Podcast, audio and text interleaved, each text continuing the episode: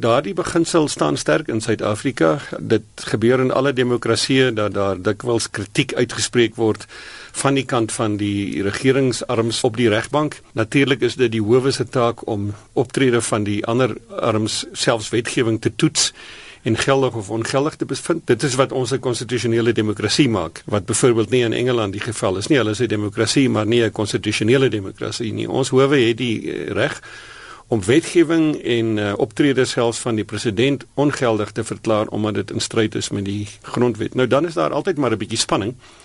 En van tyd tot tyd raak mense bekommerd oor kritiek en ondermyning van die regbank of uitsprake wat lyk of dit bedoel is, maar ek het nie 'n groot bekommernis ten minste van die kant van die howe af nie. Wat regters aanbetref, het ek volle vertroue dat hulle bewus is van hulle onafhanklikheid en sterk voel daaroor van regters gepraat. Wat het jy te sê oor hoofregter Mogoeng Mogoeng?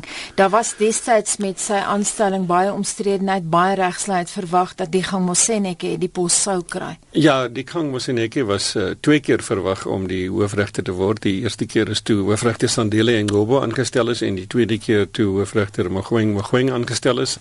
Moseneke is 'n uitstekende regter en 'n groot vriend van my. Regter Mogoeng se aanstelling was kontroversieel. Wat ek maar net intussen kan sê is eerstens hy het 'n baie skerp brein wat betref die verstaan van regsprobleme. Hy het ook 'n groot bereidwilligheid om sy eie uitsprake en sy eie standpunte in uitsprake te verander in die lig van die kommentaar van kollegas.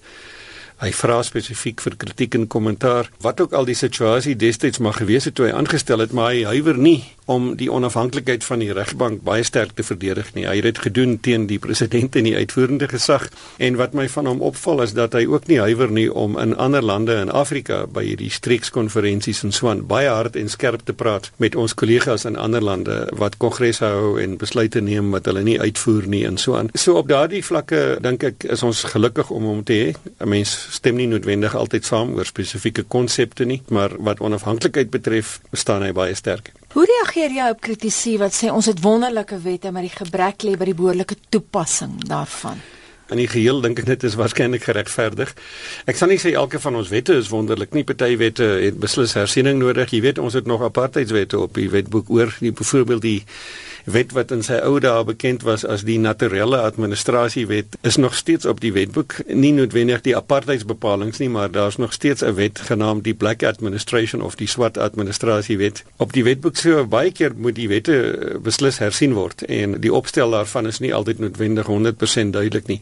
Die grondwet self is ek baie gelukkig mee. Ek was nou betrokke by die opstel daarvan. Mense sê dit was 'n compromise en dit is 'n sell out maar soos wat ek Vrydag in 'n toespraak in die hof gesê het die feit dat dit 'n compromise of 'n kompromis was beteken glad nie dat dit selling out was nie of dat dit uitverkoop was van enige iemand nie. Hierdie grondwet het gekom uit die bloed van ons mense en uit baie harde werk wat betref die dink daaroor en voorbeelde wat ons geneem het uit baie ander lande se grondwette. So ek dink voordat mense die grondwet self kritiseer, moet hulle hom behoorlik lees en dit gebruik. Daar's baie dele van die grondwet wat gebruik kan word vir dinge soos grondhervorming, ander aspekte van transformasie ensovoorts en dan hou die politici daarvan om te sê die grondwet was 'n sell-out, ons moet dit verander.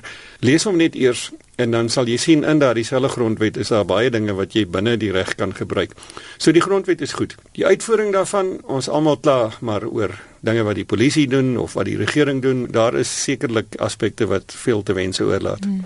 Daarvan gepraat, van die polisie gepraat, Landros Lesni Pile het onlangs in Parys se Landros hof gesê dat die swak ondersoekwerk van die polisie haar genoop het om borgtog toe te staan aan die vier boere wat van moord op twee vermende plaasaanvallers aangekla is. Ja, op die spesifieke saak kan ek nie kommentaar lewer nie, maar ek dink dit gebeur dikwels dat howe in 'n posisie is waar hulle 'n besluit moet neem wat hulle instinktief nie noodwendig sou wou neem nie maar as gevolg van die feit dat die polisie nie behoorlike getuienis na die staatsaanklaer gebring het wat dit dan voor die hof plaas nie. Een moontlike voorbeeld is selfs die Dewani saak in die Kaap. Ek het nou was nou nie self daar betrokke nie en ek kan nie daaroor kommentaar lewer nie, maar ek dink 'n mens moet seker voor die tyd weet dat as jy 'n hele saak wil baseer op die getuienis van erkende misdadigers dat jy probleme mag hê met getuienis en dat jy ander stawende getuies iewers getuienis iewers sal in die hande moet kry. Ja, ek dink wat die polisie aanbetref, dit is ongelukkig soms so dat hulle nie noodwendig al die werk gedoen het wat gedoen moet word nie. Maar hier wil ek net by sê in my in my 5 jaar in die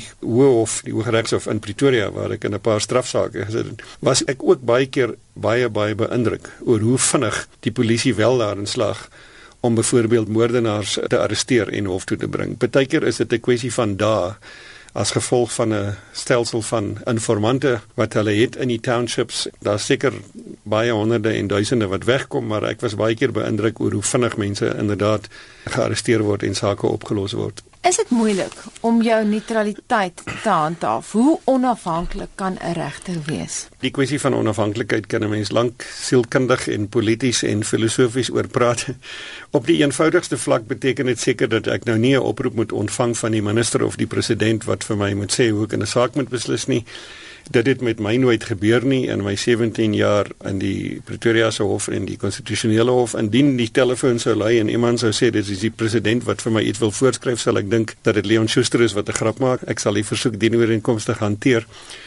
Maar onafhanklikheid en neutraliteit objektiwiteit uh, regverdigheid het baie te doen met 'n regter se eie mindset soos wat hulle in Engels sou sê met my mense morele en sielkundige en intellektuele ingesteldheid. Jy moet aanhoudend moeite doen om onafhanklik te wees nie net van wat die regering vir jou mag sê of die besigheidswêreld nie maar van jou eie moontlike vooroordeele en afkeure wat jy moontlik mag hê. Regters is mense. Mense maak foute. Jare gelede toe ek nog 'n student was, is daar aan ons vertel dat alle regters altyd volkome objektief is en dat dit glad nie saak maak of jy nou voor regter A of voor regter B verskyn nie. Teen hierdie tyd weet ons almal dink ek in die wêreld dat dit nie die geval is nie. Die beginpunt is 'n regter moet eerlik wees, ook met jouself, juis oor jou eie afkeure en voorkeure. En dan moet jy hard daaraan werk om so regverdig as moontlik te probeer wees in daardie situasie. Het jy ooit wakker gelê oor 'n uitspraak? Ek dink in die konstitusionele hof die 10 ander kollegas help dat 'n mens veiliger voel oor 'n uitspraak, so ek kan nie regtig dink dat ek dink ek lê miskien meer voor die uitspraak wakker waar ek nou dink hoe moet ek dit bewoord en wat is die korrekte manier om dit te beredeneer.